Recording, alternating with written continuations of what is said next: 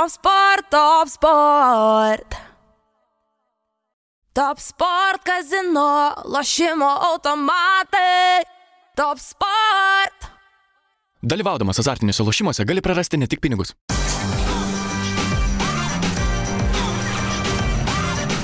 Švyturys ekstra - nealkoholinis. Gyvenimui su daugiau skonio.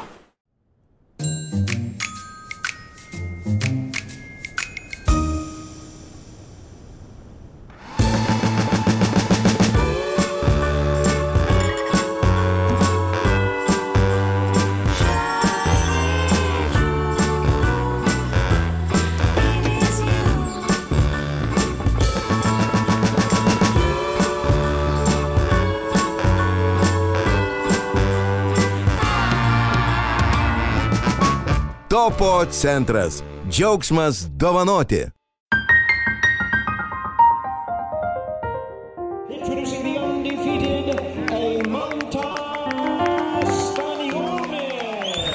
Sveiki, eterėje laida Nematoma pusė. Kaip visada labai džiaugiamės, kad turime galimybę jums atskleisti nematomą pusę. Ir kiekvieną kartą sakau, o šiandien ypatingai džiaugiamės ir šiandien tikrai ypatingai džiaugiamės, nes a, mano a, kukliu supratimu tai yra viena ryškiausių Lietuvos sporto žvaigždžių, sėdi šalia manęs čia, Olyris Bare, tai yra Eimantas Stanionis. Labas Eimantai. Lava.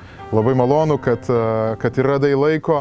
Klausimų yra a, begalė. Aš galvojau, kad a, po tos istorinės pergalės, balandžio 16 dieną, ar ne, Lietuvos sportui, kai tapai pasaulio profesionalų bokso čempionu, Visada norisi, kad praeitų šiek tiek laiko ir mes tada prisimintumėm, pasidalintumėm, išdiskutuotumėm. Tai buvo toks sumanimas. Bet a, kažkaip tai net nebuvo bejonių, kad kitos kovos seks greičiau. Dabar jau gruodis ir mes vis dar nežinom, ar ne datos, kada vyks kita kova. Tai šitas epizodas vadinasi Nematoma pusė, a, belaukiant naujo mūšio. Ir labai dėkingi, kad mūsų laidą remia Top Sport, a, Švyturys, švyturio nealkoholinis. a, Pats a, kaip į tai žiūri? Nealkoholinis viskas gerai, aš asmeniškai negeriu. visai negeri, visai nevartoji. Visiškai negeriu, kartais raudono vyno išgeriu. O tas kartais, kada, kada būna? Dažniausiai per šventės, per kalėdas. Kalėdas yra mano pati nuostabiausia šventė, tai aš ją labiausiai myliu ir man patinka leisti laiką su šeima, su draugais ir, ir tada karšto vyno vakarai būna. No, labai fainai. Um, klausimas pats pirmas um, yra ir susijęs su nauja kova. Daugiau to atskleistum, kada galim tikėtis e, kovos ir su kuo ir kas apskritai vyksta. Na, aš kaip ir laukiau progos, kada galėčiau viską atskleisti ir papasakoti daugiau. E, tai iš tikrųjų kova yra kol kas neaišku, kada jinai įvyks, nes aš turėjau jau...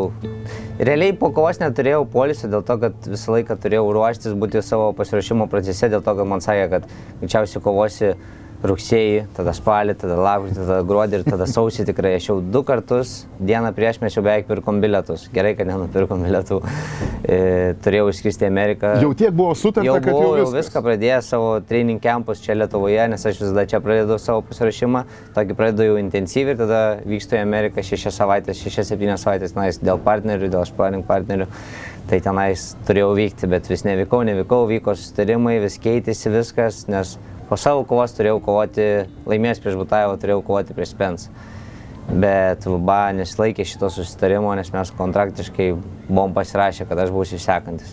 Bet dėja įvyko kažkoks chaosas, atsirado, kad Virgil Ortizas yra mano kaip ir mandatori priverstinas kovotojas, su kuriuo aš turiu kovoti. Be abejo, aš kiekvienai kovai pasakysiu taip, bet pradžiai buvo visai kas kita. Tai dabar kovos datos kol kas nėra, bet mano greičiausiai, kad oponentas bus Virgilas Ortizas.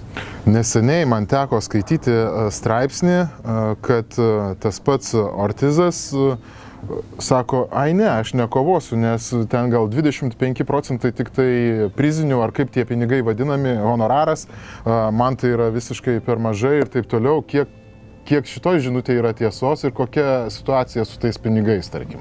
Čia yra visiška tiesa dėl to, kad aš pats buvau tokioje pačioje pozicijoje, kaip turėjau kovoti su Jordaniu Ugu, bet tada man pasiūlė kitas sąlygas, nes bet kokia atveju mes turėtų, jeigu būčiau laimėjęs prieš Ugą, turėčiau kovoti su Butaevu, kad, jis, kad dėl, organizatoriai daro dėl, dėl žinomumo ir dėl, dėl pinigų sugeneravimo su kažkom tą kovą. Ir tuo metu buvo ta didelė kova, kad E, Jordanis Ugas laimėjo prieš Menį Pakeo, o Spensui reikia irgi kažkokio žinomo žmogaus, kad sugeneruotų pinigų, tai jie kovojo. Aš gausiu taip, kad juos praleidau ir su sąlyga, kad aš kovosiu paskui su laimėtoju tos kovos. Tai ta kova kaip ir neįvyko ir tiesiog sunku. Čia yra turbūt labai daug tos nematomas pusės, Eimantai, ir apskritai keistas dalykas. Pasaulio bokso čempionas, ar, ar nėra taip, aš įpratęs bent jau uh, skaitydamas straipsnius, girdėdamas ar net antraštės matydamas, kad gal tu renki, tu esi padėties šeimininkas, tu renkiesi savo varžovą, ar, ar nesirenki varžovą, bet sakai, gerai, mes kausimės tada ir tada. Uh, ar šiuo atveju viskas vyksta taip, ar, ar, ar kažkas kitas reguliuoja, kada, kaip kas turi įvykti? Čia reguliuoja viską organizatoriai, kam patogu, kas žino, kokia yra rizika, kas bijo rizikuoti. Kovotojai, aš manau, nori kovoti, aišku, žinau, kad kai kurie galbūt, nu, visi pasveria tą riziką, kad gal neapsimokais, gal nėra toks žinomas, gal galiu pralaimėti tą faktorių vis tiek, nes jeigu Amerikoje tu nori būti didelė žvaigždė, tu turi laimėti, laimėti, laimėti ir ten tave turi promotinti, promotinti. Jeigu organizatoriai į- investuos į tave daug pinigų ir ateis kažkoks, kaip, sakykime, aš nežinomas iš Lietuvos į jiem ir laimėsiu, tada viskas sugrius visą piramidę. Ir grįžtant dar prie tų procentų, iš tikrųjų ten 25-75 procentai. Taip, aš esu čempionas, aš turiu statusą, jisai nėra čempionas. Aš rizikavau, aš kovau su Butajevu, mes abu buvom nenugalėti ir jie tada sako, kodėl procentaliai taip yra. Čia yra VBA nustatyta, nustatyti nuostatai. Taksa kad- tokia, ar ne? Nu taip, jie yra nustatyti, kad čempionas gauna 75-25. Bet yra toks dalykas, kad mūsų organizacija vadinasi Premier Boxing Champions, taip? Ir mes dažniausiai kovojam ant Fox televizijos arba Showtime. O jo organizacija yra The Zone, Go- Golden Boy organizacija, bet jisai kovoja ant The Zone televizijos. Tai dabar vyksta taip, mūsų organizacija pasiūlė jiem pinigų sumą e, kažkokią, kad jie, jisai su manim sutiktų kovoti. Jiem netiko ta pinigų suma. Tada mums pasiūlė pinigų sumą, mums netiko pinigų suma. Tada kova eina į aukcioną. Ir dabar bus nustatytas aukcionas, greičiausiai jisai bus gruodžio 21, nes FIBA turės savo ten susitikimą ir tame aukcione turės suskristi iš mūsų organiza organizacijos pusės kažkas ir iš jo. Ir ten vis, vy, vyks aukcionas, bet ir galėtų bet kas už tą kovą, kaip pasakyti, bidint. kad Mhm. Jinai gali vykti Anglijoje, jinai gali vykti Emiratuose, jinai... Gali, tiesiog- tarkim, ir LRT ateiti ir sakyti, mes bidinam, duodam Gali. 5 milijonus. Taip, taip, Gali? taip, gali, gali. Tikrai tai tikiuosi padarysit. tai va, tai tada eina... Dėl pro- 60 gauna. Tada yra procentai, tada aš 75 gaunu 25, aišku, ten atskaičiavimai, visokie yra vadybos, tas tas, nes kartais žmonės irgi galvoja, tu ten gavai tokią sumą, nu nes jinai parašyta ten, tarkim, kaip milijonas. To milijono yra vadybininkui, aš turiu dar asmeniškai, ne visi kovotojai, bet aš turiu mokėti organizatoriui, treneriui, katmanui, taksai Taip, taip. ir dar turi už, tarkim, niekas nežino, kad už vaba diržą tu turi susimokėti. Vien dėl to, kad tu dėl jo kovoji, ten didelės sumos, labai didelės sumos. Ir, ir jeigu tu dėl jo kovoji ir paskui esi čempionas, tu turi jiems mokėti pinigus, kad tu esi čempionas. Tai jie iš to gyvena. A, Ir tas gruodžio, gruodžio pabaigoje labai įdomus, tas, kaip sakai, bidinimas ar ne, pirkimas tų teisų, bet ta jau data, viskas jau bus iš esmės a, tame bidinime, ar galima sakyti, kad ir nusisprendžia net ir honora, nu, priziniai, ar, ar ne? Viskas turi nusispręsti, bet da- data tikrai nebus, nes kuri televizija laimės, ar, ar kažkas kitas laimės, jeigu daisim kito, tai bus paskelbta, kad eis į aukcioną, bet per tą laiką, kiek aš girdėjau, išnekėjau su savo vadininku, per tą laiką dažniausiai jis įsprendžia, nes taip, jam neapsimokėtų kovoti Teisingai. dėl 25 procentų, nu, už 25 procentus, tai finansiškai išnekant. Tai jo organizacija turi ateiti su, su mum tinkama pinigų suma, kad ta kova kaip ir įvyktų. Dėl to, kad mūsų organizacija jau pasiūlė pinigų sumą, aš žinau, kiek aš iš mūsų organizacijos pusės gausiu ir kiek aš esu vertas šioje situacijoje, nes net jeigu ir mažiau norė, norėčiau kovoti, bet vadybininkai neleistų, nes jiem irgi reikia užsidirbti pinigų ir jie nori kuo daugiau pinigų, tai šito vietoje esu biški bėgis. Ortizas, a, kodėl, kodėl būtent jisai? A, ir šiaip tai aš kaip suprantu, jisai irgi man pats kiečiausias yra Eimantas Stanionis. A, Egis Kavaliauskas, kuris Taip. beje kovojo, ar ne, su, su, su Ortizu. Ir, ir ir tas pats Ortizas, aš stebėjau su Kavaliausku tą kovą, atrodo tikras žvėris, Taip. labai geras sportininkas, kiek mano profaniškumas leidžia suprasti. 19 pergalių pas jį, 14 pergalių pas tave, ar ne? Atrodo, jūs leiskite tiem žmonėms, tai būtų, wow, pasaulinis, nu, tikrai rašo visi, es pieną ir taip toliau, ir taip toliau. Bet kodėl būtent Ortizas? Buvo Spensas, dabar Ortizas. Ar dar gali pasikeisti pavardė? Ar tu tikras, kad tai bus Ortizas? Ne, geras klausimas. Čia tokia Yra vardą. painiava, kur niekas nesupranta ir aš nesupratau ir aš iš tikrųjų vis būdavo vadybininkas paskambina viena situacija, praeina savaitė, kita situacija ir aš pats galvoju, su kuo aš kovosiu, tiesiog man duokit datą, jau man nebesvarbu su kuo kovoti, tiesiog duokit datą. Tai ne, iš tikrųjų aš turėjau kovoti gruodžio 17, ne, lapkričio 16 ar 19 turėjau kovoti Spensą su Crawfordu. Ta kova neįvyko. Aš turėjau tenais kovoti Kaumain eventė su, su Turmanu. Dėl to, kad kai vyksta unification kova, unification kova reiškia, kad dėl visų diržų, dėl visų keturių diržų, mhm. tai aš, tada aš negalėčiau kovoti su Spensu, nu, nes aš šiaip turiu pirmumo teisę kovoti, bet jau šitai kovai tu negali, čia automatiškai tu pasitrauki nuo tos kovos. Ir aš turėjau kovoti su Ky- su Ky Turmanu. Ta kova neįvyko. Tada sakė, kad kovosiu su Džero Nenis. Jis irgi toks jaunas, garsenybė, Amerikoje žinomas, visi jį laiko e, visiškų žvėrių, kaip sakant. Ir su jo kova irgi neįvyko. Tada Boba padarė taip, kad aš turiu kovoti su Verdžilu. Ir taip, jisai geras kovotojas, jisai, kaip ir sako, žvėris. Man irgi patinka jo stilius, bet man patinka, aš labai, labai užsivedė šitą kovą ir iš tikrųjų daug kas rašo, kad jie mane nukautuos greit ir panašiai, bet manęs gal nepažįsta, nes aš tokio pat charakterio ir ta kova tikrai. Labai sunku pasakyti, kartais būna, kai geri atletai išeina, Taip. jinai nebūna tokia, kokie, kokios visi kad tikisi. bus. Jo, jinai, jinai gali, gali jisai mane nukautuoti pirmam raundui ir aš galiu jį nukautuoti pirmam raundui ir arba gali būti didelis karas. Aišku, aš jaučiu, kad tai bus didelis karas, nes jo stilius ir mano stilius labai panašus ir, ir pažiūrėsim, bet kad kas galvoja, kad ten jisai mane pravažiuos kaip su traukiniu, tai jis tikrai taip neįvyks. Aišku, jisai patirties turi daug, jau sukovojęs su daug kovotojų, dabar jisai bus tokioj geriausiai formai ir subrendęs ir fiziškai ir jau ta patirtis. Bet aš, aš irgi nedovanėlė niekam. Ir dabar, žinai, vad galvoji, kad e, sakai, ar ne, na, Ortizas turėtų būti Ortizas, bet galbūt ten Mhm. kompanijos susitinka, šnekasi apie pinigus, apie pinigus ir tada tu gausi skambutį, klausyk, ne Ortizas, a, kitas taip, Taip gali būt. vykti. Tai ga- gali būti Enis, gali būti Ugas.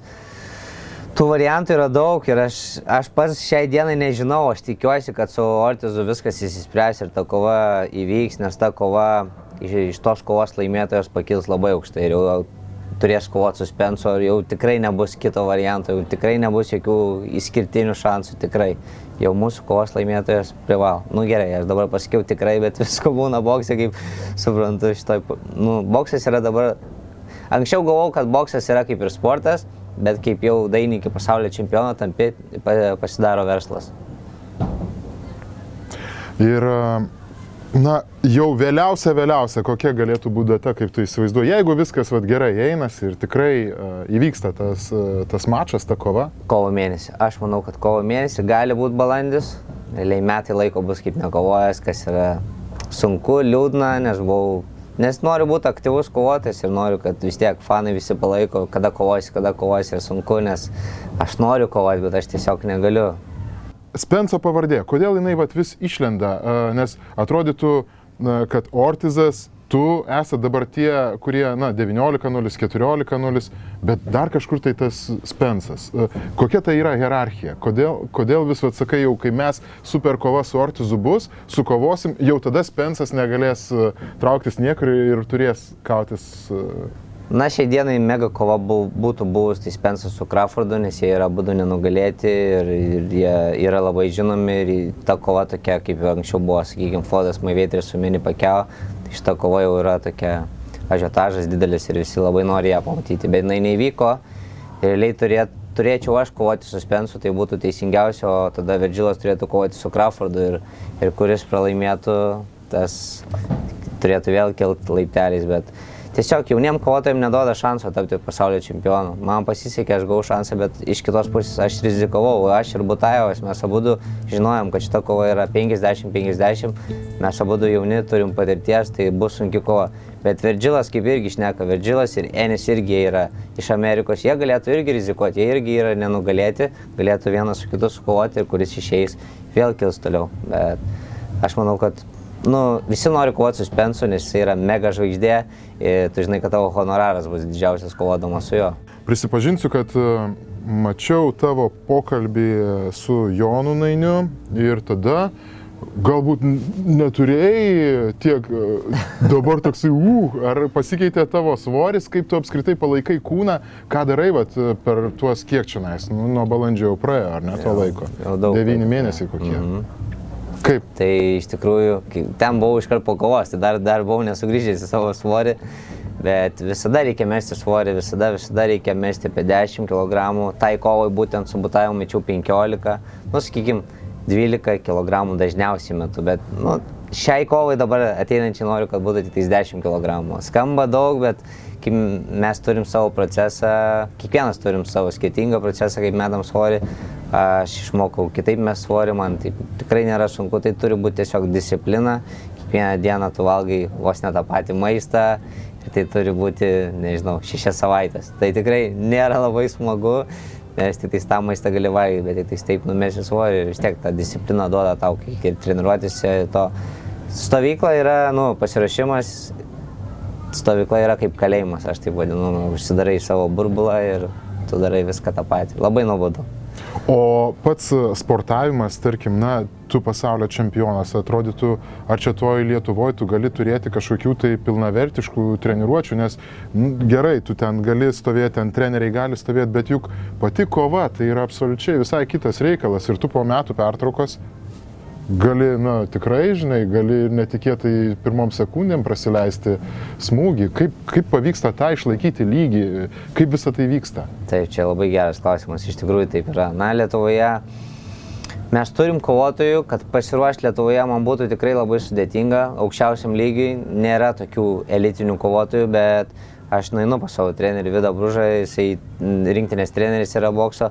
Puikus žmogus, man Taip. tekia yra bendrauti. Aha, tai tikrai labai geras žmogus. Tai mes su juo pasišnekam, jisai man planus visus surašo treniruočių vykstant į Ameriką, bet aš su juo pradedu čia pasirinkimą, bet vis tiek tie kovotojai Lietuvos visi čempionai yra pas jį. Tai man vis tiek duoda pajudėti su vienu, su kitu kad aš noriu daugiau raundų, aišku, ten mėgiai kovoja tris raundus, jiems galbūt sunku su manim šešis raundus, todėl man duoda vieną kovotoją, vieną raundą, kitą kovotoją, kitą raundą, kitą kovotoją, taip keičia ir, ir man gerai, nes jie kaip mėgiai greitai viską daro ir man reikia pri, prisitaikyti ir biški kitoks stilius, bet man gerai dėl, dėl kvepavimo, tai aš tiesiog noriu kartais pajausti tos smūgius, kad, kad atsiminčiau, nes kartais, kaip jūs sako, tu gali viską pamiršti ir atrodo, kartais einu į treniruotę ir, ir atrodo, kad aš iš vis nesiboksavęs, jau nežinau, labai ilgai toks keistas jausmas. Kiek realiai, ne- nežinau, kvailas klausimas, kiek realiai tai vis tiek, kad ir po raundą ten su skirtingu, kiek procentaliai tai prilyksta tai kovai?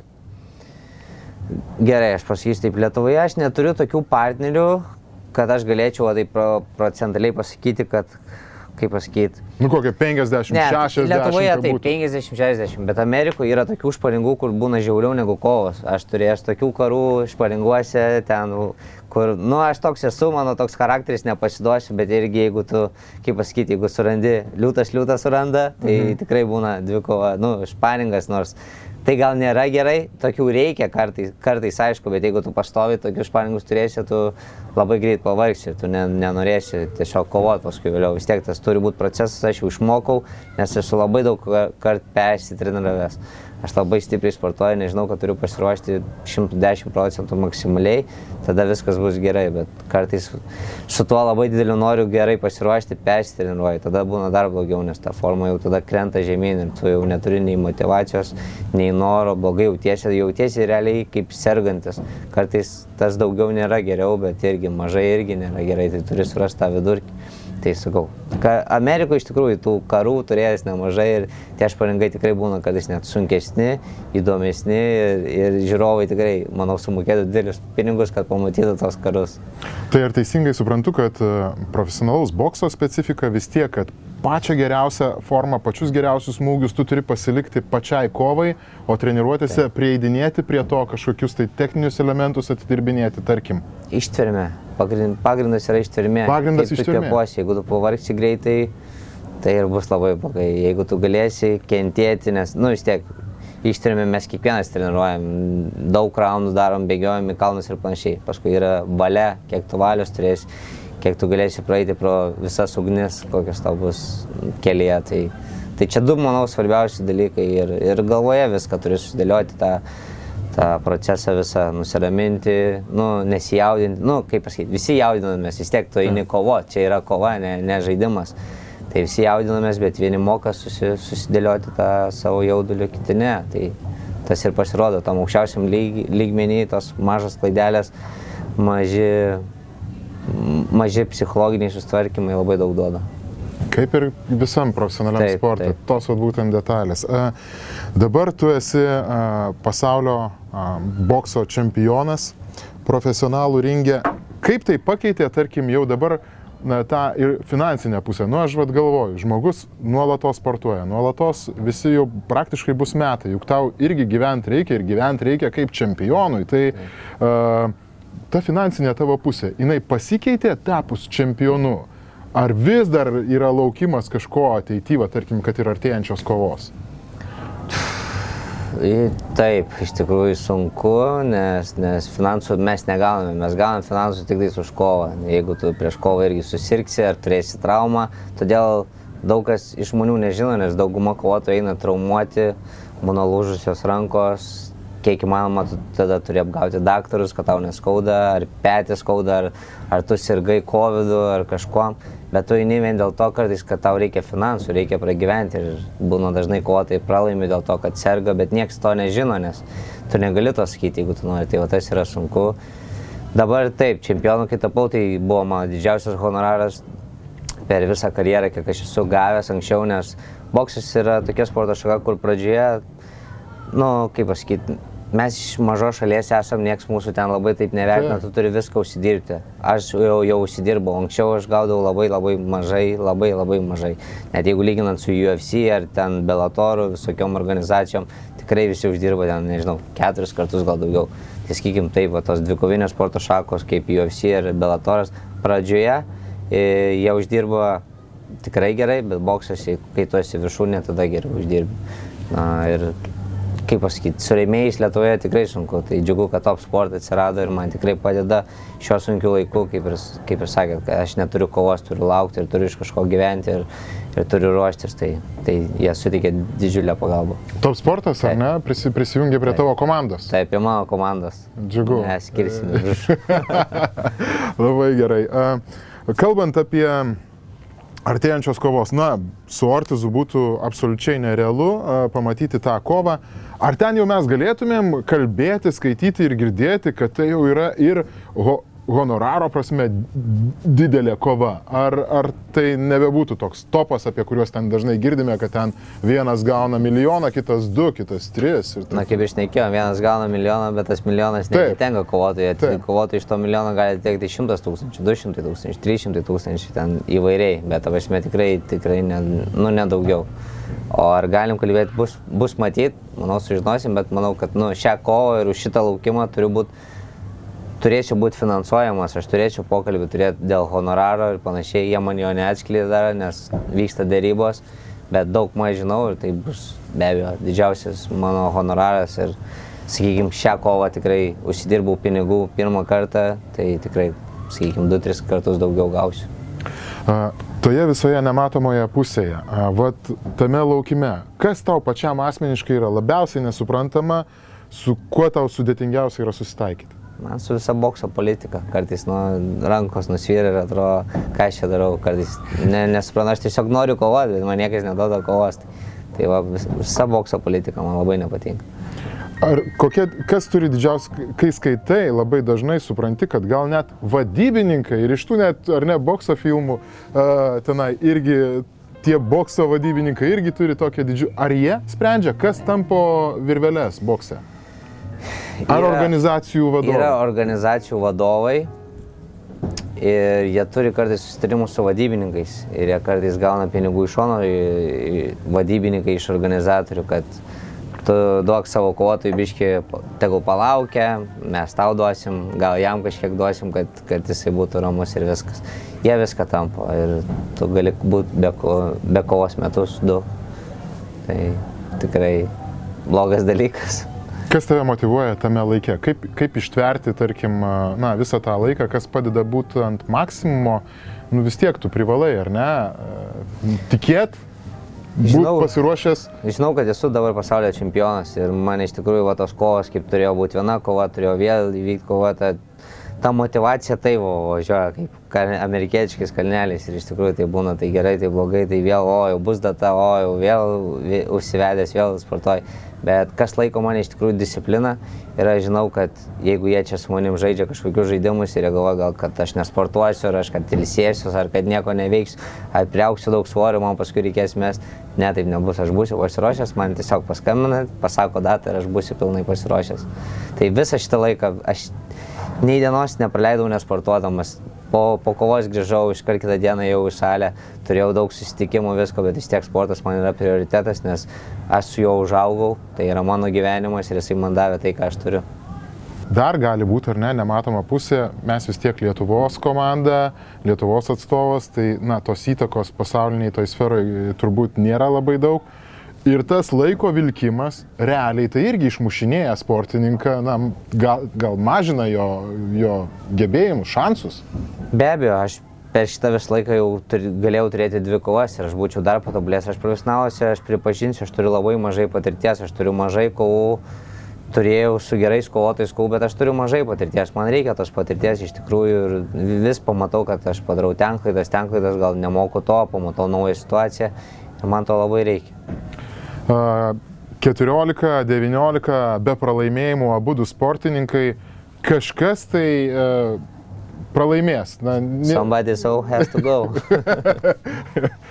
Tai va, tai palinkėkime Ortizui, kaip sakoma. Bet e, aš noriu paklausti, kaip e, atlaikyti tą, na, kažkas patirs nesėkmę, abu du puikūs kovotojai, kaip ją pakelt, kaip ją ištvert. Aš esu labai realistas, jūs galite manęs tiesiai klausti, kas bus, jeigu pralaimėsi. Tai va. Aš, aš esu realistas, aš nesu kaip kiti kovotojai, kad aš negaliu pralaimėti jį. Aš visada turiu pasidaryti savo taiką su savo blogiausiu scenarijum. Jeigu aš turiu ten taiką, viskas yra gerai. Tai pralaimėjimo atveju ne, pasaulis nesustos, juk viskas eis, viskas tiesiog jisai bus geresnis, reiškia, už mane tą naktį.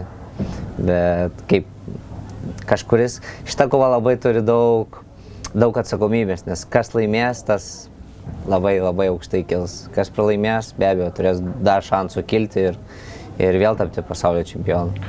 Labai visada norisi prisipažinti, įlysti žmogui į galvą, kaip sakoma, perskaityti jo mintis, kai jisai boksuojasi ir, ir kiekvienoje sporto šakoje, ten, tarkim, krepšinį, futbole, matai, įsivaizduoji, galbūt taip ir nėra, ai, šitas jau viskas, jau praradęs koncentraciją, tas netoks motivuotas, tas Taip.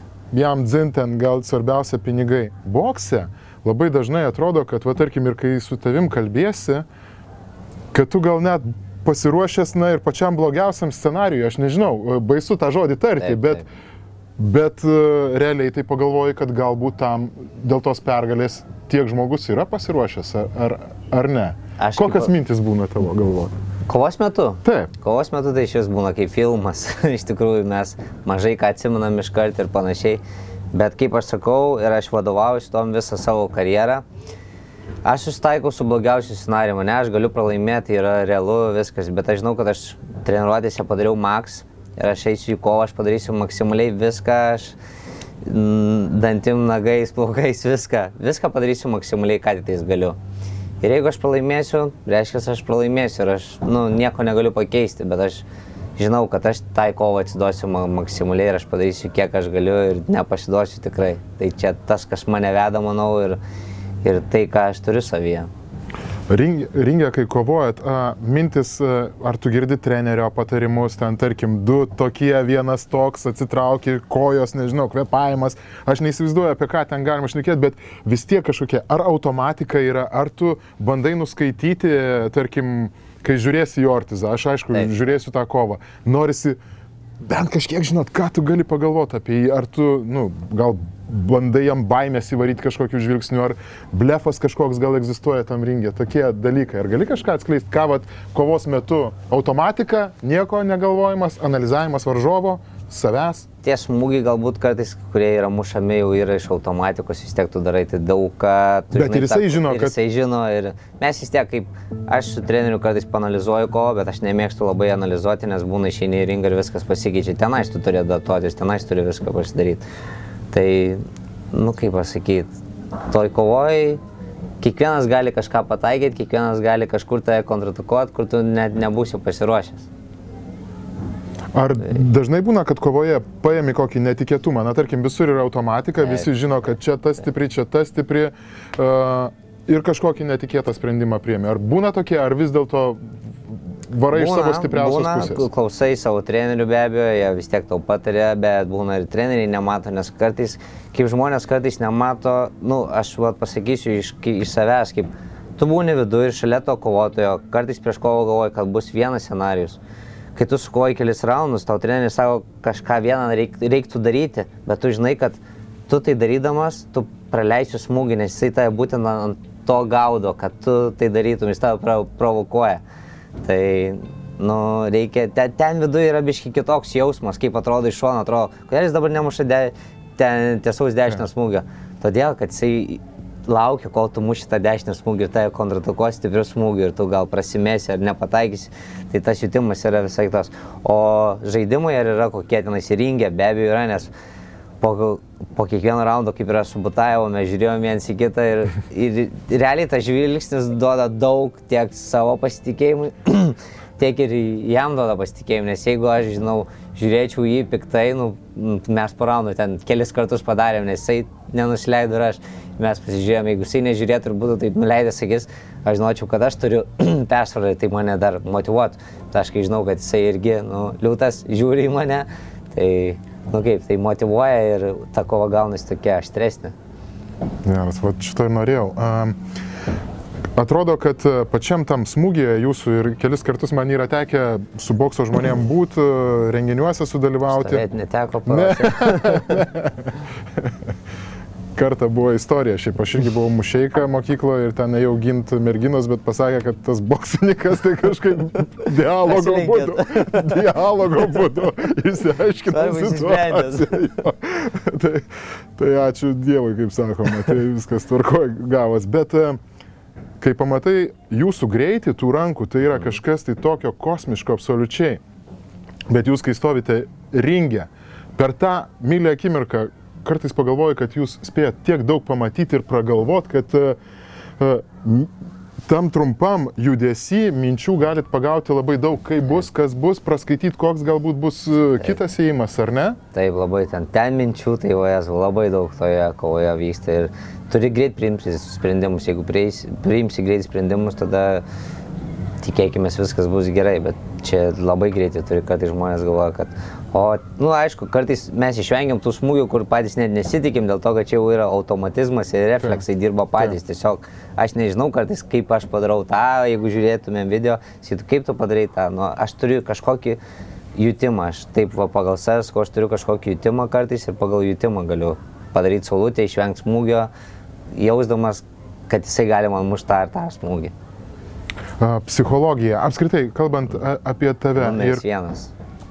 Numeris vienas, ar ne? Numeris vienas. Ar tai yra kažkokie tai, nežinau, ar mm, juk psichologija, aš dabar būsiu vat, geras psichologas, taip nesigauna. A, tu iš kažkur tai turi išmokti tai daryti, kalbėti su savim, ugdyti save. Kur, kaip tu sugebėjai užsiugdyti savo tą tvirtą psichologiją? Iš tikrųjų, mano treneris anksčiau sakydavo visada, kad, va, kad aš einu į ringą ir mano priešininkas eina į ringą ir mes abu du lygiai taip pat jaudinamės ir kuris nugalės tą jaudulį, tas ir bus pranašesnis kovos metu. Tai aš asmeniškai kažkaip Čia labai daugam yra problemų su ta psichologija. Dauguma kovotojų ir atletų ir šiaip vis, visame pasaulyje dirba su psichologais. Jam reikia kažkokios gal pagalbos, gal pasišnekėti ir tai yra visiškai normalu. ta prasme. Man asmeniškai nereikia. Aš esu kaž, iš kažkur psichologiškai stiprus, nes aš žinau tą atsakomybę, žinau, kas gali vykti. Aš esu, kaip ir sakiau, tu, turiu tai, kas su tom, kas gali vykti, kas gali nevykti, nes, nu vis tiek, kaip ir sakau, čia yra kova, ne žaidimas, čia gali atsitikti labai kažkas blogo. Tai aš psichologiškai nusitikiu tiesiog, kad turiu viską padaryti ir, nu, turi su, savim pasikalbėti, iš tikrųjų aš turiu dažnai dialogų su savimi, pasišneku, kad viskas bus gerai, tu treniruojiesi, aišku, yra buvę, kur yra traumas turėjęs ir aš turėjau kovoti ir sirgau, tarkim, savaitę prieš kovą ir turiu kovoti. Tai tikrai, nu, stengiuosi save motivuoti, kažkaip pastumti į priekį, jeigu taip atsitinka. Jeigu aš esu pasiruošęs 110 procentų, tai ne, visiškai man nereikia jokios motivacijos ir aš esu visiškai nusteikęs ir net nieko nebijau, kaip sakom, kovo, tai vienas gal bijo daugiau, kitas gal bijo mažiau, kiti gal jaudinasi daugiau, kiti jaudinasi mažiau. Tai čia kaip save perleipsi. Aš jaudinuosi, aišku, pripažinsiu, kiekvienas kotas jaudinasi. Vieni gal bijo, kiti jaudinasi, bet vis tiek yra tokie šurpuliukai, tenais rūbiniai, kaip jau bintuoja rankas, nes einam kovoti. Turi kažkokią citatą, tarkim, kuri, kuri tave įkvėpia, kurią ne, nebūtinai tu ten prieš kiekvieną kovą pagalvoji, bet viduje iškalta, kaip sakoma, sieloje. Kill or be killed. Arba do or die. Tai čia mano tokios pagrindinės citatos, kur, kur kaip karys turiu eiti, atiduoti viską ir padaryti viską ir už savo šalį. Ringė, tavo pats mėgstamiausias, kad dar geriau tave pažinti situaciją, nes ten būna tų juk įvairiausių, įvaro į kampą ar ne, tenai e, ringo pozicijos, smūgiai, e, kur tu jautiesi geriausiai, kur nepatogiausiai gali ne, nepasakot, nes gal Ortizas pažiūrės mhm. su vertėjais. Aš geriausiai jaučiuosi spausdamas savo varžovą arba vidutiniai kovos distancijų. Tai vienas biški paspaudžia, kitas paspaudžia biški. Na, atgal einant, aš irgi moku puikiai buksuotis, man to nereikėjo, nes dažniausiai mano priešininkai būna aukštesni. Ir mano toks stilius nuo mažens, sakau, kaip, kaip meksikietiškas stilius, toks eiti į priekį visada ir nepasiduoti ir žiūrovams teikti už jų pinigus vertus e, gerą kovą. Čia yra ir Amerikai, ir visiems mano organizatoriams svarbiausias dalykas, kad kovotojas turi parodyti gerą šou, neišeiti, bijot, bėgiot, tai tada, tada tu netapsi žinomas ir netapsi žvaigždė. Atleisk iš karto iš anksto už klausimą, čia toksai, žinai, iš gal krepšinio, iš futbolo, kai būna ten top moments, aišku, karjeros pergalė tai prieš Butaevą, čia faktas, bet nebūtinai pats įsimintiniausias tavo smūgis yra iš tos kovos. O jeigu mes kalbėtumėm apie smūgį, kur tu ir pats va, džiaugiesi ir dažnai prisimeni, kad wow, čia buvo, na, super. E, ar turi tokį, ar... Iš mano pusės. Ar... Taip, iš tavo, iš tavo karjeros. Man patinka dažniausiai nokautai per pilvą, nes aš manau, kad tai yra skaudžiausi ir aš jų tikrai esu daug padaręs ir treniruotėse, ir, ir kovose.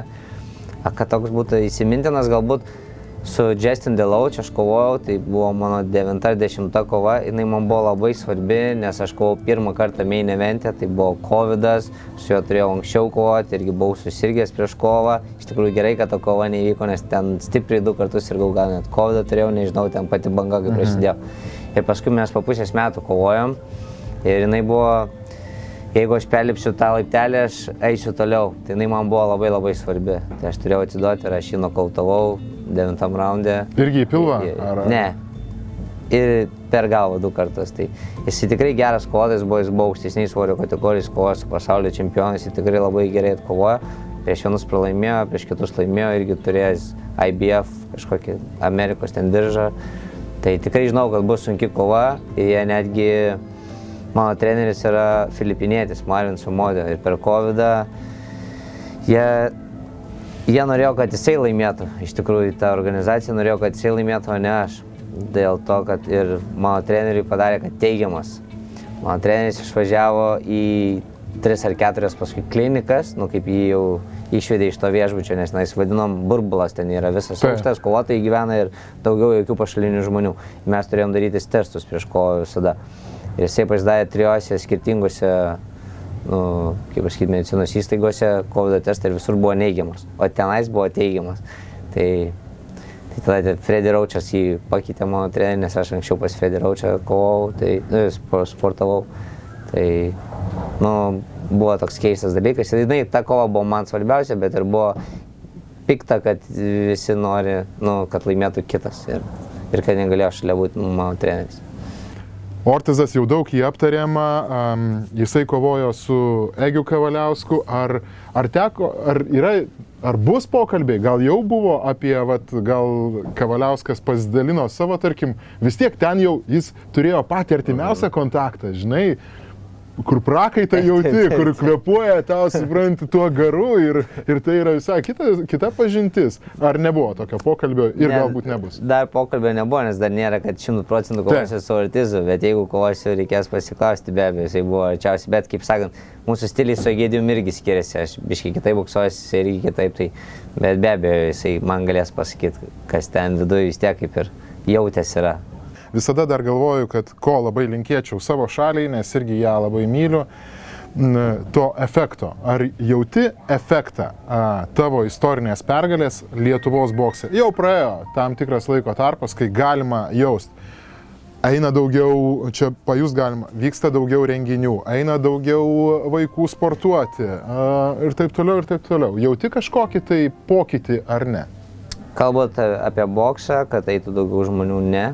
Galbūt susidomėjimas yra didesnis dėl to, kad aš tapau pasaulio čempionu, mūsų lietuvė Gabrielė Stonkutė tapo Europos čempionė ir pasaulio čempionė, bet čia jau moterų pusė labiau vis tiek. Tai susidomėjimas iš tikrųjų nežinau, man, man asmeniškai atrodo, kad nėra boksų didelis. Tai yra sunki sporto šaka ir, ir Bet gal čia, tarkim, sistemos kažkokios tai yra klaidos? Tarkim, na, kaip tu vertintum bokso sistemą Lietuvoje? Iš tikrųjų, sistemos nežinau pilnai, biškė esu atitolęs, bet vis tiek reikalingi, didžiausia problema dažniausiai yra finansai, nes aš atsimenu save, kai man buvo 17 metų, aš tapau pasaulį penktas jaunimo ir tas finansavimas buvo mažas, vis tiek tu jau ateina 18 metų, tu norėsi mašinos, tu norėsi jau kažką galvoti, užsidirbti savo pinigų, o ten finansai tikrai yra mažai, jeigu tu neturi kažko pasiekęs. Tai buvo sunku, buvo visokių apmąstymų, kad ir baigti karjerą. Tai aš manau, vis tiek, kas siekia, kas tampa, kad ir, kaip ir sakau, Lietuvos čempionai, tu tampi Lietuvos čempionu, bet tu gausi tą finansavimą, bet jisai nebus didelis. Tu turi siekti daugiau, o jeigu nepavyksta, tada pasukti kažkur kitur arba ieškoti kažkokios pagalbos iš kitų. Kiek yra svarbu, tarkim, mūsų šalyje turėti daugiau, apskritai sakyčiau, kovos menų, aišku, ir bokso renginių, e, kaip tai prisideda ir, tarkim, tas tų turnyrų lygis, ką tu galėtum apie juos pasakyti, ko jiems galėtum palinkėti tiem tu- turnyram. Realiai turnyrų Lietuvoje tikrai labai trūksta, tiek kovotojams reikia kovoti, nekalbant tik tais apie boksą, apie visus turnyrus kalbu, kad reikia tų turnyrų daryti, nes mūsų, mes tikrai turim, lietuviai yra charakteringi ir jie yra kovingi ir jie tikrai gali pasiekti aukštumas, bet reikia tų turnyrų, reikia, kad ir kovotojai nebijotų kovoti su gerais kovotojais, kad ir tarpusavį kovotų, nes tik tais, tik tais taip tobulės ir tie pralaimėjimai nėra nieko blogai, kartais geriau parizikuoti, pralaimėsi pradžioje karjeros, bet paskui, kai pakilsi aukštumas, tu tada laimėsi. Tai turnyrų Lietuvoje realiai kaip ir nevyksta, tik vyksta vienas, kiek žinau, kur, kur dažniausiai lietuviai laimi. Tai, tai nemanau, kad tas lygis kažkur pakels, jeigu tu tenais labai kovosi su, su žemų lygio kovotais. Tai pasakykime, ma, mano tokia pozicija. Aš manau, kad tos kovos ir kovotojai turi kovoti su, su stipriais. Neturi būti tenais, kad 90 procentų laimės lietuvis. Tai tobulėjimui tai nėra, nėra gerai. Dabar, žinai, tu užsiminėjai apie tur, turnyrą Lietuvoje ir dabar, vat, man teko girdėti tokią istoriją, kad e, vyko turnyras em, kitai lažybų kompanijai, e, teko kalbama išmokėti didžiulius pinigus, nes viskas buvo aišku tose kovose. Na tai a, nežinau, ar tokie dalykai tavo a, žiniom ar mintim, jausmų, pojūčių vyksta sutartos kovos Lietuvoje? Yra jų? Ar, tai, ar tas auglys yra mūsų šalyje? Neįsivaizduoju, bet aš manau, kad taip. Nu, aš pats kaip vyko, sakykime, tas turnyras, aš pasižiūrėjau visą kardą ir aš pasakiau, kas laimės. Nu, tai aš viską atspėjau. visas ten nežinau, kiek kovų buvo, ten nemažai tų kovų buvo, visas atspėjau, nei vienos neprašau. Tai taip galima, žinai, su ortizu honorarą. Ne, čia jau visiškai kitas lygmuo. Taip.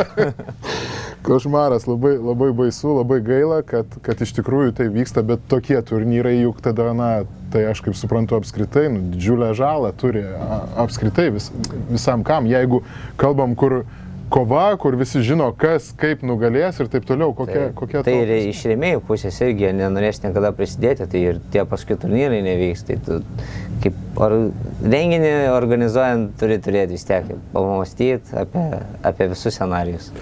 Tai va, tai nežinau, ar tau teko girdėti ar ne, bet tokios užkulisiuose kalbos, kad po paskutinio turnyro numelšta buvo ta lažybų kompanija 200 gal tūkstančių eurų, na, žodžiu, įspūd, įspūdingai prasisukinėjama ir, ir labai liūdna. Bet pačiam teks dabar sudalyvauti po kelių dienų vyksiančiame turnyre. Na, būsi, būsi tame renginyje gruodžio 8 dieną Kauno renovuotoje sporto halėje, legendinėje, Taip, kur garas jausdavosi irgi ir taip toliau. Gal gali papasakoti apie šitą renginį, apie um, savo mintis apie jį? Lab- Labai noriu pasidžiaugti, kad galėsiu pamatyti halę. Aš tenais esu turėjęs kelias savo įdomias ir karjeros stipres kovas. Tikrai džiugu ir palaikymas tenais yra didžiulis vis tiek, kadangi esu iš Kauno. Na, aš manau, kad UTMA tikrai bus organizuotas turnyras visai kitokio lygio, negu kokie vyksta dabar Lietuvoje. Ir kovotojų lygis visai bus kitoks. Ir, ir publika, manau, susirinks pasižiūrėti tų kovų ir, ir, ir palaikyti savo fanus. Ir manau, kad mes kiekvienas žmogus turėtumėm palaikyti dvikovinių sporto šakų atletus, nes tai yra individuali sporto šaka. Ir tiesiog ateiti į renginį ir ateidami į renginį palaikysite kovotojus. Aš žinai, vat, jeigu taip atvirai kalbantis vienas su kitu jau va, prie, prie nealkoholinio bokalo, a, aš nesuprantu, pasaulyje, tarkim, iš to uždirbami yra labai dideli pinigai, ta prasme, tai yra populiarus dalykas. Taip. Ir kaip vat, Lietuvoje, tarkim, mes to tokio a, neturim, ar ne, a, nu, tokia yra didelė nuostaba. Tai galbūt UTMA, ar ne, a, galbūt tai yra kažkoks galimas, a, naujas kažkoks vėjas, kažkoks or, organizacinė prasme, gal kažką galima sukurti tokio patrauklaus finansiškai, kad galiausiai ir tie, žinai, ir boksininkai uždirbtų, kad čia būtų normalus, normalus turnyras. Taip, tai čia aš kaip ir esu ambasadorius, tai čia tokia yra idėja ir tikrai mes to sieksim, siekiamybė, kaip sakyt. Na, nes tie, kurie vyksta turnyrai Lietuvoje, tai jie tikrai nėra aukšto lygio ir žmonės neina į, į tokius turnyrus, į ką tenai žiūrėti. Tu jau žinai, tu gali nežiūrėti tų kovų, žinosi, kas laimės. Tai čia tikrai visai bus kitaip, nebus taip viskas aišku, kaip, kaip yra. Aišku, mes visi norim, kad lietuviai laimėtų. Tai aš manau, kad pasistengsiu padaryti šitą. Aš pasistengsiu prisidėti, kiek aš galiu iš savo pusės, kiek aš mačiau, kad tas turnyras būtų geresnis. Ir, ir tai yra aišku, atsakomybė ne, organizatorių ir mano šiek tiek, aš vis tiek noriu prižiūrėti tą turnyrą, kaip jisai vyks. Galiausiai čia tavo vardas. Vis tiek, žinai. tai yra mano vardas be abejo ir, ir tikrai noriu, kad noriu labiausiai, kad žmonės pradėtų eiti į tos renginius ir vis tiek dvikovinės sporto šakos, manau, Lietuvoje populiarėja, bet kaip ir s- šnekėjom, tų renginių daug nevyksta. Ir eina tik į vieną renginį, bet tenais jau yra viskas kaip ir aišku, kas, kas laimės. Todėl norim sukurti tokį kažkokį unikalumą, kad, kad būtų nieks neaišku ir kad būtų įdomios kovos ir kad tiesiog būtų gera atmosfera renginyje. Ir a, artėjant jau prie pabaigos, a, noriu paklausti apie 2024 olimpinės žaidynės. Taip. Ar tavo pačio mintise ta data sukasi, Paryžius, ar tu a, dalyvausi, kovosi dėl medalių? Žinau, kad visi labai nori ir laukia ir aš kaip tik turėjau prieš kelias dienas pokalbį su savo treneriu. Mes planavome, mes žiūrėjome, kaip, kas įvyks, kada aš galiu kovoti ir kokios bus atrankos sistemos, tai mes pasišnekėjom, turėjom pokalbį ir aš manau, kad pasistengsiu papulti olimpinės žaidynės ir tenais, tenais dalyvauti. Tai vis tiek už Lietuvą ten, ten yra visai kitaip negu profesionalų boksas. Taip. Profesionalų boksas yra, nu taip, visai, visai kažkaip kitaip. Olimpiada yra pats aukščiausias mėgėjų bokso lygmo, bet nu, bus matyti. Ir, žinai, mūsų legendos boks, bokso, ar ne, juk Taip. irgi yra per Taip. tai, ar ne, Taip. per tuos olimpinius apdovanojimus, įsiamžinusios ir taip toliau. Bet aš galvoju, o kaip tau dabar reikės tenai patekti, juk šito profesionalų paso ar pakanka, kaip sakoma. Mm, Paso nepakanka, reikia įsikovoti. Tai Taip. bus kažkokios atrankinės varžybos, per kurias galima bus iškovoti pergalės ir bus renkami arba taškai, arba bus turnyrai, dar nėra labai viskas aišku, todėl va, su treneriu pasišnekėjom Ir žiūrėsim, kur bus, kur aš galėsiu dalyvauti, ar mano vadyba sutiks, ar man neužkirs kokio kelio. Bet mano kontraktai irgi jau su vadybininkais į pabaigą, tai bandysim kažkaip gražiai įsispręsti. E, Trumpi klausimai. Labai dažnai būna, kad e, boksininkai nepatenkinti vadybininkais, krepšininkai, žinau, agentai savo dažnai būna nepatenkinti. E, Tęsti darbą su savo vadyba, kad jau artėja prie... Jeigu nėra atsakymo, tai nėra atsakymo. Bus matyti. Ok, ir e, tavo, kas tau padėjo aukti, tavo bokso idealas, e, nežinau, ar, ar e, na, tai Lietuvos boksininkas, pasaulio boksininkas, ar turi, ar galbūt smūgiai kažkokie iš kažko išmokti. Taisonas buvo mano numeris vienas, visada stebėjau Taisoną, žiūrėjau jo kovas ir man buvo jis tas, tas, kas mane vedė į tą sportą ir turbūt mano tą stilių galbūt sukūrė tokį. Aš jį žiūrėdavau visada, nežinau, po šimtą kartų. Tu pradėjai, a, tavo bokso pradžia kokia buvo? Namie į, nežinau, į kreušį duris. Aš pradėjau jau nuo karate, nuo kudo, tarp kitko aš kovojęs ir maitai kovose, ir kickbokso kovose. MMA kovų neturėjau, bet kudo yra šiek tiek labai panašu, nes gali nuversti ant žemės ir, ir, ir tenais parterėje kovoti ir imtiniauti. Tai pradėjau nuo kudo ir paskui 13 metų perėjau boksą, kas mano mamos draugas nuvedė, tikrai buvo sunku boksė, labai po, po kudo. Aš buvau realiai geriausias Lietuvoje, laimėjau, laimėjau, laimėjau, laimėjau, visur laimėjau, tik kelias kovas esu pralaimėjęs, kudo užsienyje, bet Lietuvoje buvau kečiausias, kaip, kaip ir sakiau, čia dauguma būna kečiausi, kol neišvažiuoju į tarptautinius turnyrus. Aš buvau išvažiavęs, bet aš ir tarptautinėse turnyruose man tikrai gerai sekėsi. Ir kickboxai, ir maitai, ir kudo, aš ir ten, ir ten kovau. Bet boksą, kaip, kaip šiau boksą čia Lietuvoje buvo labai labai sunku. Bet adaptavausi pakankamai greitai, nes Pradžioje man sunkiai sekėsi, nu kaip aš pralaimėdavau tos paringus ir tas mane vedė, aš labai esu konkurencingas ir labai noriu rodyti savo, kad aš galiu. Klausyk, man iš karto pirma mintis, žinai, aišku, profesionalų boksas, bet tai UFC irgi tada ką? O ką? Iš tikrųjų, su draugais anksčiau esam pa- pajokavę, sakydavau, labai tikrai norėčiau, būtų labai įdomu, bet yra problema imtynės. Kojos, aš turiu pagrindus kažką pasiginti, galėčiau ir kovoti. Tai neprisileisi, ar... ar ar Bet ne? imtynės vis tiek, imtynės, jiu-jitsu, greplingas, reikia mokėti vis tiek tenais ir, ir nuvargina, nu, reikia tam skirti daug laiko. Jeigu būčiau pagalvojęs apie tai, gal prieš penkis metus būčiau spėjęs tą traukinį, dabar jis, manau, kad nuvažiavęs. Nu, gal Lietuvoje, negali žinot.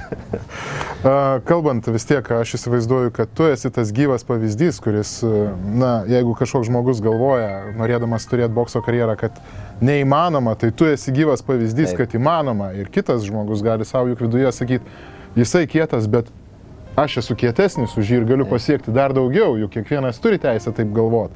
Ir kalbant apie tą jauną kartą, ar, ar tu matai jaunų boksininkų pas mus perspektyvių, galbūt tai yra kažkoks, žinai, galimas e, žodis jiems arba kažkoks patarimas, kad kažką išvežt į užsienį sportuoti. Net neįsivaizduoju, kaip tai vyksta, bet kad būtų testinumas.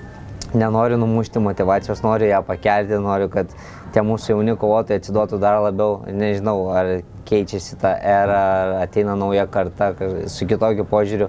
Aš būdavau salė namai, salė namai, salė. Man būdavo salė pats svarbiausias dalykas. Jeigu leisdavau treniruotę, aš vos neverkdavau. Man būdavo mama kažkada dėl mokslo man neleido eiti treniruotės, tai aš naisiverkiau ir prašiau maldavau mamos, kad tik man leistų sportuoti ir kad viską pakeisiu. O dabar anksčiau būdavo perspektyvų, tu matydavai jau, sakykime, 14-15 metų perspektyvų, bet tai nereiškia, kad jis išeis į vyro amžiaus grupę ir paskui kažką pasieks, bet bent matydavos. Dabar aš labai labai taip nestebiu, bet dabar bu- buvo pasaulio jaunimo čempionatas, visiems sekėsi labai blogai, tai tai irgi kažkiek parodo, kad pas mus lygis kažkodėl nekyla, bet čia nebūtinai tai reiškia, kad treneriai kalti ar kažkas. Aš, čia vis tiek yra tokia labiau individuali sporto šaka ir aš kaip sakau, su visais bendrauju ir su saugusiais. Tu turi atiduoti maks, treneris neprižiūrės visų, tu turi daryti pats, turi domėtis pats, mytybos sportas, tobulėjimas, žiūrėti kovas, žiūrėjau daug kovų, apie mytybą daug skaičiau, žiūrėjau klaidas, kurie daro, sakydami interviu, paskui susigadindami savo vardą, tai tik taip gali tobulėti. Tavo maiste, tarkim, išdavystė. a, Kokia ji tau pati saldžiausia išdavystė? O, tai saldžiausiai Nu, išdavystė. tarkim, ten, nežinau, aš vat kalbėjau. Mėgstu saldžias bulves, mėgstu ledus. Saldžias bulves? Saldžias bulves, batatas. labai mėgstu. Ir mėgstu, mėgstu ledus. Bet kiek tu suvalgai ledų, tarkim, Oi, tau? aš dabar valgiau gal ledus, nežinau, prieš metus. Aš esu labai disciplinuotas mytyboje, nes man, sakau, reikia daug mes svorio, labai yra paskui sunku. Ir, ir jautiesi blogai iš tikrųjų. Aš dabar pakeičiu savo mytybą kardinaliai, aš darau protarpinius badavimus kiekvieną dieną mažiausiai 16 valandų. Kiekvieną dieną. Anksčiau būdavo sunku, dabar visiškai lengva. Tai 16 valandų, 20 tam tarpe mano protarpinis badavimas. Tai gerai, kiekvieną dieną, tai tu jau, mano žmona irgi darė tą protarpinį, paskui jau nebedaro. Tai gal ten nuo 19 valandos ar nuo 18? Aš įvairiai, aš dažniausiai stengiuosi baigti valgyti 9 val. kartais 8, bet... Vakaro. vakaro, bet dažniausiai gaunasi 10. Tai aš paskui valgau, nežinau. kiek čia Antroj dienos pusėje? Antroji dienos pusėje visi jau eina valgyti po treniruotės, kau šiandien valgysiu. Priklauso nuo treniruotės, kokią aš darysiu kitą dieną vėliau, ką man reikia į savo kūną įdėti, nes kūnas yra kaip mašina, kokį kūrą, kūrą pilsi, taip ir važiuosi. Tai jeigu man nereikės, nes labai in- intensyvi treniruotė nebus, man reikia daug angliavandenių. Tai bet man patinka savijauta protarpinių badavimų ir aš kartais darau, dviej, esu daręs dviejų parų, dvi, dvi paras tik tais vandenį gerti ir tai tik, aišku, čia jau biški sunkiau ir galbūt nėra taip labai gerai, bet įsivalyti aš manau labai gerai, ypač jeigu prisivalgai kažkada. Tai bet protarpinį badavimą kiekvieną dieną darau, jaučiuosi žiauriai gerai ir aš tikiu į ilgamžiškumą. Klišinis toksai klausimas, bet vis tiek, gruodis, e, artėja kalėdos, tau pačiam, sakai, gražiausia apskritai Taip, šventė. taip. Tai ko palinkėtum savo po kalėdų egle? Kalėdų eglė, nieko iš tikrųjų, aš visko turiu. E, Datos gal? Datos, datos. Gruodžio 21, jeigu viskas įspręs, jo, iš tikrųjų, datos savo palinkėčiau, kad gaučiau greičiau datą ir priešininką. Galbūt ne tai, kad priešininką, datą tiesiog, kada galėčiau jau, žinau, kad, kada žinočiau, kada vyksiu į Ameriką ir ruošiuosi, nes labai pasilgau tų žiaurių, sunkių treniruočių krūvių. Po kiek tenai trunka treniruotė? Ta, ta Dienos- treniruotė man darbai Kartais gali būti, o kaip kartais diskutuodavom irgi su draugais, su pažįstamais, kad treniruotė aš esu daręs tokias treniruotės, kur 20 minučių, bet jinai žiauri, žiauri, žiauri, žiauri sunkiai, kur nelabai daug kas galėtų ją, ją ištverti. Tai tas treniruotčių procesas, nu, priklauso, bet šiaip dažniausiai, jeigu būna šparingai, tai apie pusantros valandos iki dviejų valandų, nei ilgiau, bet šiaip treniruotė apie valandą, valandą 15, sakykime, jeigu su apšilimu skaičiuojant, nes visi skaičiuoja treniruotės skirtingai, aš galėčiau sakyti tada, kad mano treniruotės visada po 2-3 valandas, bet aš nenoriu taip sakyti, nes aš treniruotės skaičiuoju, kada jau pradedi treniruotis ir ten dušas, ar ten lankstimasis, ar e, masažai jau nesiskaito. Ir e, tavo kiti metai jau bus e, kova tikrai kitais metais, duok Dieve. ir, ir, žinai, e, aš noriu tavęs paklausti, ar tu esi visa, visa tavo esmė nustatyta tik tai į kitą kovą ir daugiau tu apie jokią ateitį negalvoji, ar vis dėlto tu turi pasidėlioja savo. Na, faktas, tapti pasaulio bokso čempionu jau tai gali būti daugeliui galutinė fantazijos statelė. Žinai, kaip sako, svajok stipriai, nes svajonės pildosi ir tikrai kaip susi, išsipildo jau tos gal motivacijos, kito, dar kažką pasiekti nėra. Ar tu galvoji tik apie kitą kovą, ar tu turi kažkokią tai didelę savo svajonę, kurios toliau sieki? Taip, čia iš tikrųjų buvo mano tokia pagrindinė svajonė, o kaip jūs sakot, gali ir motivacija dingti ir viskas. Tai iš tikrųjų visada svajojau tyliai viduje, niekam nesakiau, kad galiu, žinau, kad bus sunkus kelias ir ta politika boksė irgi aš ją žinojau iš anksčiau, bet ne tiek, kiek dabar. Ir žinau, kad bus labai sunku ir kitaip pasiekiau, atrodo toks jau viską pasiekė, bet be abejo norėčiau dar daugiau diržų, norėčiau būti undisputed, norėčiau būti aukštesnės svorio ka- kategorijos čempionu, tai čia tokie mano tikslai, kad surinkti visus diržus būtų labai sudėtinga, bet pakilus į kitą svorio kategoriją, tapti pasaulio čempionu, kodėlgi ne. Kaip taip sakai, tai žinok, skamba ne taip ir sudėtingai. Aš to ir palinkėsiu. Na, svajot reikia visiems. Taip, Ta prasme, tikėti savim ir svajot, kodėlgi ne. stipriai. Tai Nes aš va stipriai, svajojau uždirbti milijoną, uždirbau, jau kitas neužsidirba. Dar stipriau juokauju, dar neuždirbau to milijono. Tai Ačiū tau labai, buvo tikrai labai smagu Ačiū labai, pabendrauti, ačiū, kad pamatyti, pakvietėt. pajausti tą uh, gerą tavo aurą ir tikrai nuoširdžiai, žinok, šiaip rūpinuosi tik tai savo kalėdų eglę, bet tikrai bus smalsu, ką tu sulauksi. Pranešiu, tikiuosi, Galbūt kad bus. tai, ką bet- pasakei, tas ir bus. Tai tu labai smagiai daliniesi socialiniuose tinkluose, ar ne? Irgi toks, toks nežinau, fainas, paprastas uh, pasaulio čempionas, ar ne? Tau socialiniai tinklai yra, um, kokia tai platforma? Ką tu, ar bandai kažką ištransliuoti joje, ar, ar tiesiog kažką tai tokio nekreipi labai stipraus dėmesio? Aš labai nekreipiu dėmesio, bet iš tikrųjų įdomu socialiniai tinklai, kaip jie veikia, dabar vis pradedu suprasti ir, ir kas stebi mano socialinio- socialinius tinklus. Bet įdomu visada su fanais pa- pabendrauti, nes tikrai turiu daug fanų, tikrų fanų, kurie mane jau palaiko daug metų ir, ir, ir jie visada tik tais geras žinutės palinkia, aišku, būna visko, bet kaip sakant, žinau, kad ir pralaimėjimo atveju gal bus tų žinučių, jeigu kada pralaimėsiu, kad ten taip yra. Bet aš esu su to sustaikęs, socialiniai yra socialiniai tinklai, kartais būna parašo, kad galėjai daryti tą ar aną ir aš tada galvoju, tu nueik ir padaryk tą ar aną. tai čia tiesiog mano paprasta žinutė, bet aš labai myliu savo fanus ir iš tikrųjų po šitos kovos labai didelis palaikymas ir prieš šitą kovą buvo žiauriai didelis susidomėjimas ir palaikymas tikrai jautėsi ir, ir tai man padėjo laimėti. Na, galim, žinai, įsivaizduoti, kai jau bus paskelbta ta data, duok dievę su ortizu, tai viskas ir vėl, žinai, turėtų Be labai, be labai abejo. stipriai Kaip sukilti. sakant, kai tu laimi, praeina savaitė ir visi viską užmiršta. Nu, Nu, čia yra normalu. Taip. Ačiū labai, gražių švenčių ir pergalių. Ačiū labai ir jums.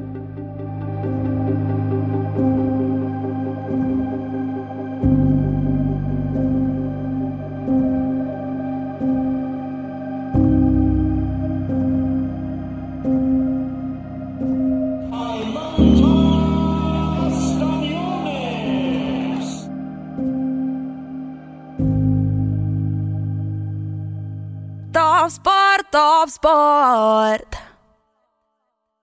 Top sport kazino, lošimo automatai. Top sport. Dalyvaudamas azartiniuose lošimuose gali prarasti ne tik pinigus.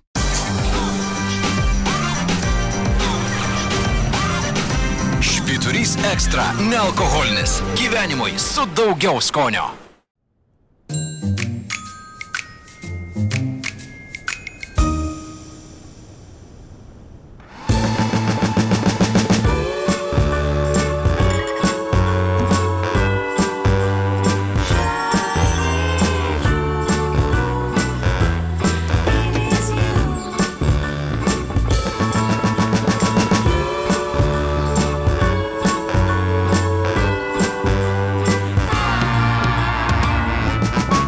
Topo centras. Džiaugsmas dovanoti.